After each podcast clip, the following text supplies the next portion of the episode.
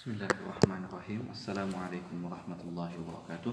Waalaikumsalam warahmatullahi wabarakatuh. Alhamdulillah, alhamdulillahilladzi ahyana ba'dama amatana wa ilaihin nusyur. Wa usalli wa usallim ala khairil anami Muhammad ibn Abdullah salawatullahi wa salamuhu alaih. Hadirin sidang jamaah salat subuh yang sama-sama dimuliakan oleh Allah Subhanahu wa taala.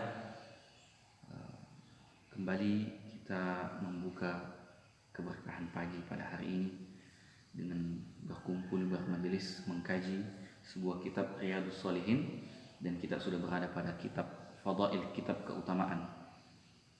Bab Fadailil Qiraatil Quran. Bab fadilah keutamaan membaca Al-Quran. Dan kemarin kita telah membaca tiga hadis tentang keutamaan membaca Al-Quran bahwasanya Al-Quran akan datang menjadi syafaat bagi para pembacanya. Kemudian di hadis kedua Nabi Shallallahu Alaihi Wasallam memberikan penjelasan atau membedakan orang-orang yang beramal di dunia ini dengan hukum-hukum Al-Quran dan hanya dan golongan yang kedua yang Nabi Shallallahu Alaihi Wasallam jelaskan adalah golongan yang hanya membaca Al-Quran tanpa mengamalkannya dan hadis yang ketiga Nabi Shallallahu Alaihi Wasallam menjelaskan bahwasanya sebaik-baik posisi sebaik-baik job adalah dia yang mengajarkan dan mempelajari Al-Quran. Kita masuk ke hadis yang keempat pada hari ini. Wa an Aisyah radhiyallahu taala anha qalat qala Rasulullah sallallahu alaihi wasallam alladhi yaqra'ul Qur'ana wa huwa mahirun bihi ma'as safaratil kiramil barara والذي يقرأ القرآن ويتتعتع فيه وهو عليه شاق له أجران متفق عليه dari Aisyah radhiyallahu taala anha berkata Rasulullah sallallahu alaihi wasallam bersabda Orang yang membaca Al-Quran dan ia mahir membacanya maka ia bersama para malaikat yang mulia dan berbakti. Sedangkan orang yang membaca Al-Quran dengan terbata-bata dan merasa kesulitan ketika membacanya maka baginya dua pahala muttafaqun alaih.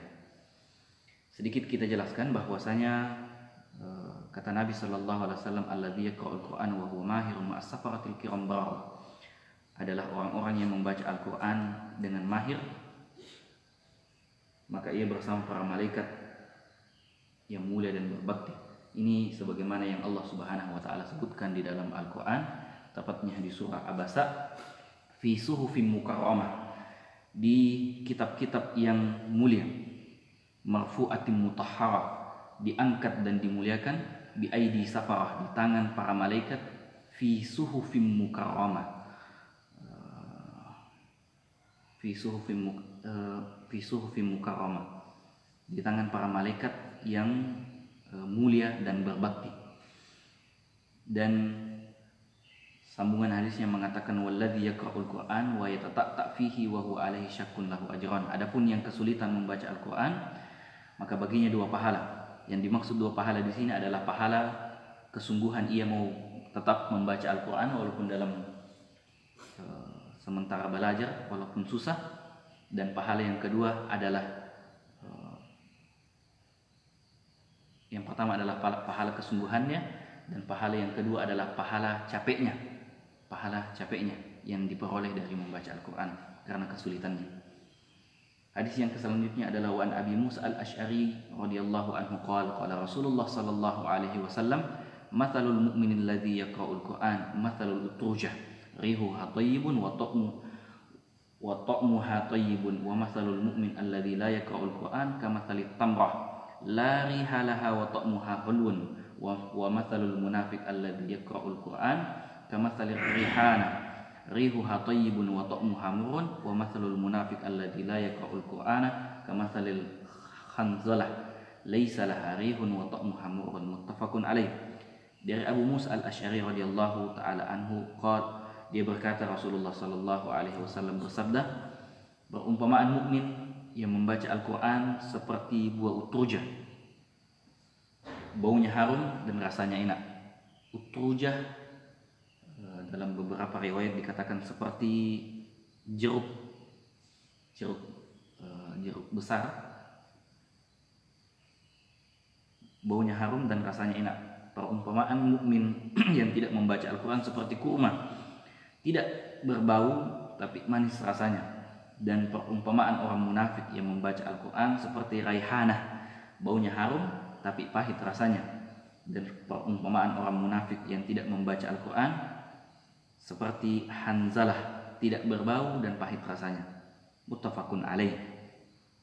Hadis yang ketiga wa an Umar ibn al-Khattab radhiyallahu an anna Nabiy sallallahu alaihi wasallam qala inna Allah yarfa'u bihadzal kitabi aqwaman wa yadh'u bihi akharin. Rawahu Muslim. Dari Umar ibn al-Khattab radhiyallahu an bahwasanya Nabi sallallahu alaihi wasallam bersabda sesungguhnya Allah mengangkat meninggikan dengan kitab ini Al-Qur'an ini dan merendahkan kaum lain dengannya juga Allah mengangkat sebagian kaum dengan kemuliaan Al-Quran ini dan Allah hinakan sebagian kaum dengan Al-Quran ini pula. Lebih jelasnya di hadis lain Nabi Shallallahu Alaihi Wasallam mengatakan Al-Quran hujjatun alik, hujjatun laka aw alik. Al-Quran itu adalah e, pembela bagimu di hari kiamat atau ia menjadi hujjah atau ia menjadi beban atau pertanggungjawaban karena kita tidak berhukum dan tidak mengamalkannya di dunia ini. Mungkin sampai di sini pertemuan kajian hadis kita. Hadza wa sallallahu ala nabiyyina Muhammad walhamdulillahi rabbil alamin. Summa warahmatullahi wabarakatuh. Waalaikumsalam warahmatullahi wabarakatuh.